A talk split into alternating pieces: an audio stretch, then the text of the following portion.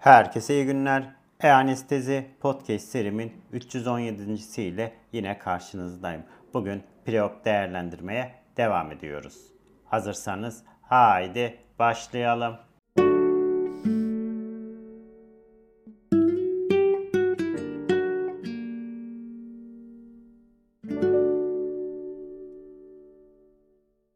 Herkese iyi günler. E-Anestezi Podcast serimin 317. ile yine karşınızdayım. Bugün preop değerlendirmeye devam ediyoruz.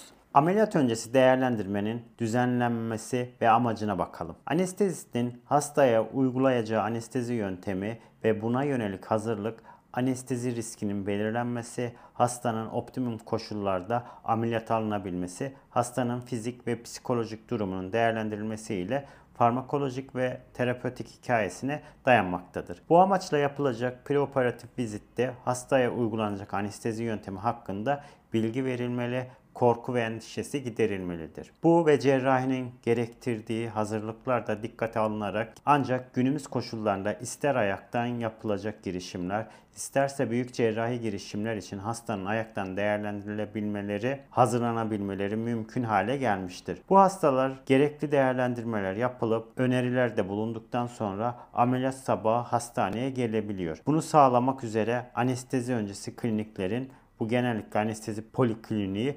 oluşturulmasıyla giderilmektedir. Anestezi polikliniğe baktığımız zaman anestezi polikliniği kavramı ilk kez 1949'da ortaya atılmış ve artık rutin uygulama haline gelmiştir. Bu uygulamada hasta ile ameliyat öncesinde ve bu amaca uygun bir ortamda kişisel temas kurulması, hasta ve yakınlarının eğitimi, gerek yatan gerekse ayaktan gelen hastaların konsültasyonu, gerekli testlerin yapılması, ameliyat iptalleri ve gecikmelerin en aza indirgenmesi için preoperatif bakım maliyetinin düşürülmesi amaçlanmaktadır. Bu amaçları gerçekleştirebilmek için bu ünitede sürekli olarak bir anestezi doktoru bulundurulması, sorumlu bir uzman belirlenmesi, kayıt ve arşiv olanakları diğer ünitelerle yönetsel bağlantıların yapılması gerekiyor. Ve bu şekilde tüm anestezi öncesi verilerin tek yerde toplanması ile laboratuvar incelemeleri ve konsültasyonlar sayısı da azalmaktadır. Preoperatif değerlendirmede temel amaç perioperatif morbiditeyi azaltıp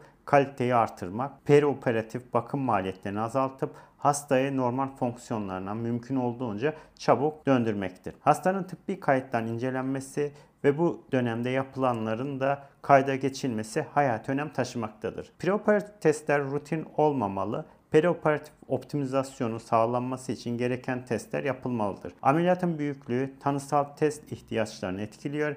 Düşük riskli ameliyatlar için minimal tanısal test veya hiç test gerekmeyebiliyor. Anestezi polikliniğinde ASA 2 ve üzerindeki grubunda olduğu değerlendirilen hastalar mutlaka deneyimli uzmana danışılmalıdır. Perioperatif değerlendirmenin amacı ise fiziksel ve psikolojik durumunun belirlenmesi. Bu amaçla psikolojik değerlendirme ve hazırlık aşaması vardır. Fiziki durumun değerlendirilmesi, laboratuvar incelemeleri, yandaş hastalıklar ve sorunları değerlendirilir. Farmakolojik durumun değerlendirilmesi için ise hastanın aldığı ilaçlar ve diğer tedaviler, alışkanlıkları, önemli ilaç etkileşimleri sorgulanmalıdır. Anestezi riskinin belirlenmesi ve konsültasyonları yapılıyor. Kullanılacak yöntem ve ilaçların kararlaştırılması, bu amaçla bilgilendirme ve onam alınıyor ve son olarak da gerekirse premedikasyon verilmesi olabiliyor. Hastanın fizik ve psikolojik durumunun değerlendirilmesine baktığımız zaman ise ister anestezi polikliniğinde ister yatağında olsun hastanın ameliyat öncesi değerlendirilmesi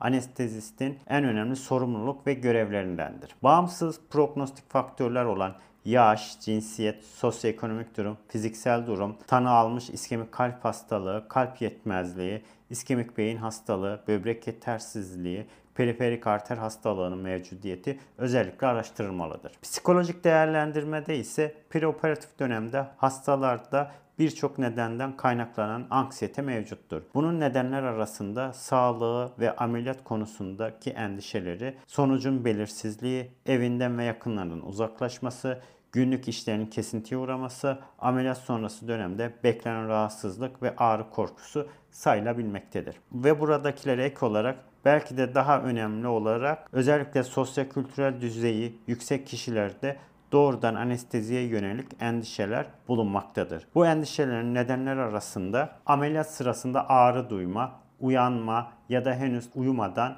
ameliyata başlanması korkusu, uyurken ve uyanırken söylemek istemediği şeyleri söyleyebileceği endişesi ve ülkemizdeki yaygın deyim ile narkozun kaldıramama ya da masada kalma korkusu sayılabilir.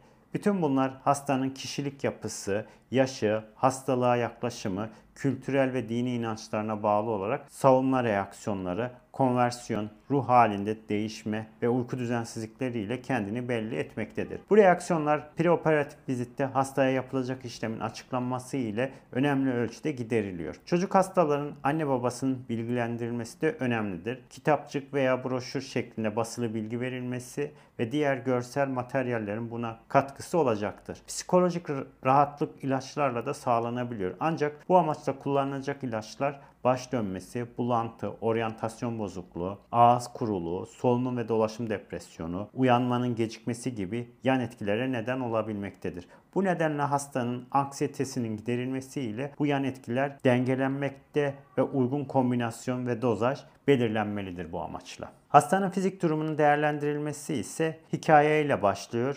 Burada özellikle dikkate alınacak konular ise şu şekildedir. Hastanın yaşı, hem anesteziye yanıtı hem de belirli yaşlardaki hastaların özellikle küçük çocuk ve yaşlıların spesifik özellik ve hastalıklar açısından önemlidir. Diğer bir konu ise cinsiyet. Cinsiyet üzerinde fazla durulmamış olmakla birlikte anestezik ilaçların farmakokinetiği ve farmakodinamiği bakımından erkek ve kadınlar arasında farklar olduğunu biliyoruz.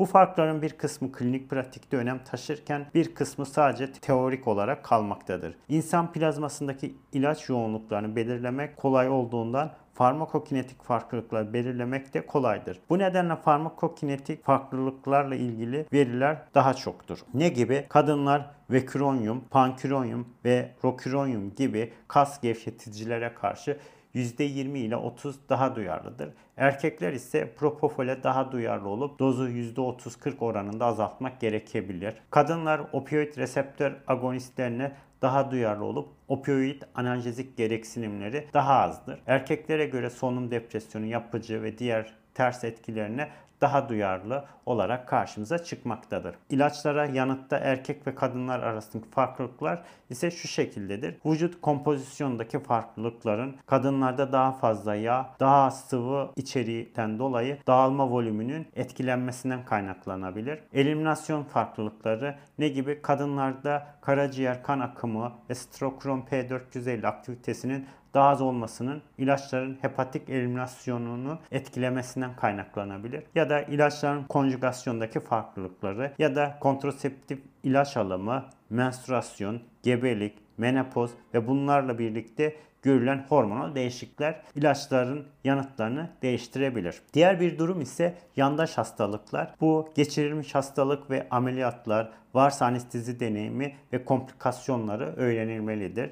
Diğer bir durum ise alınmakta olan ilaçlar ve ilaç alerjisi ile sigara, alkol ve ilaç alışkanlığı ya da süresi miktarda belirlenmelidir. Diğer bir durum ise solunum rezervi. Bu sisteme ilişkin yakınmalar, kardiyovasküler sistem ile ilgili olarak egzersiz toleransı, anginal ağrısı, tedavi edilmemiş hipertansiyon varlığı araştırılmalıdır. Diğer bir durum ise psikiyatrik, nörolojik ve nöromüsküler sorunlar araştırılmalıdır. Başka bir durum ise sıvı elektrolit ve asit baz dengesi bozukluğuna neden olabilecek gastrointestinal fistül, nazogastrik drenaj, ishal, kusma gibi durumlar araştırılmalıdır. Diğer bir durum ise gebelik, uygulamaya ve cerrahi endikasyon açısından özellik taşıması yanında özellikle erken dönemde gözden kaçabilmesi ve anestezi uygulaması ile ilgili tehlikeye girebilmesi nedeniyle sorgulanmalıdır. Fizik muayeneye baktığımız zaman ise fizik muayene tam bir sistemik muayene şeklinde yapılmalı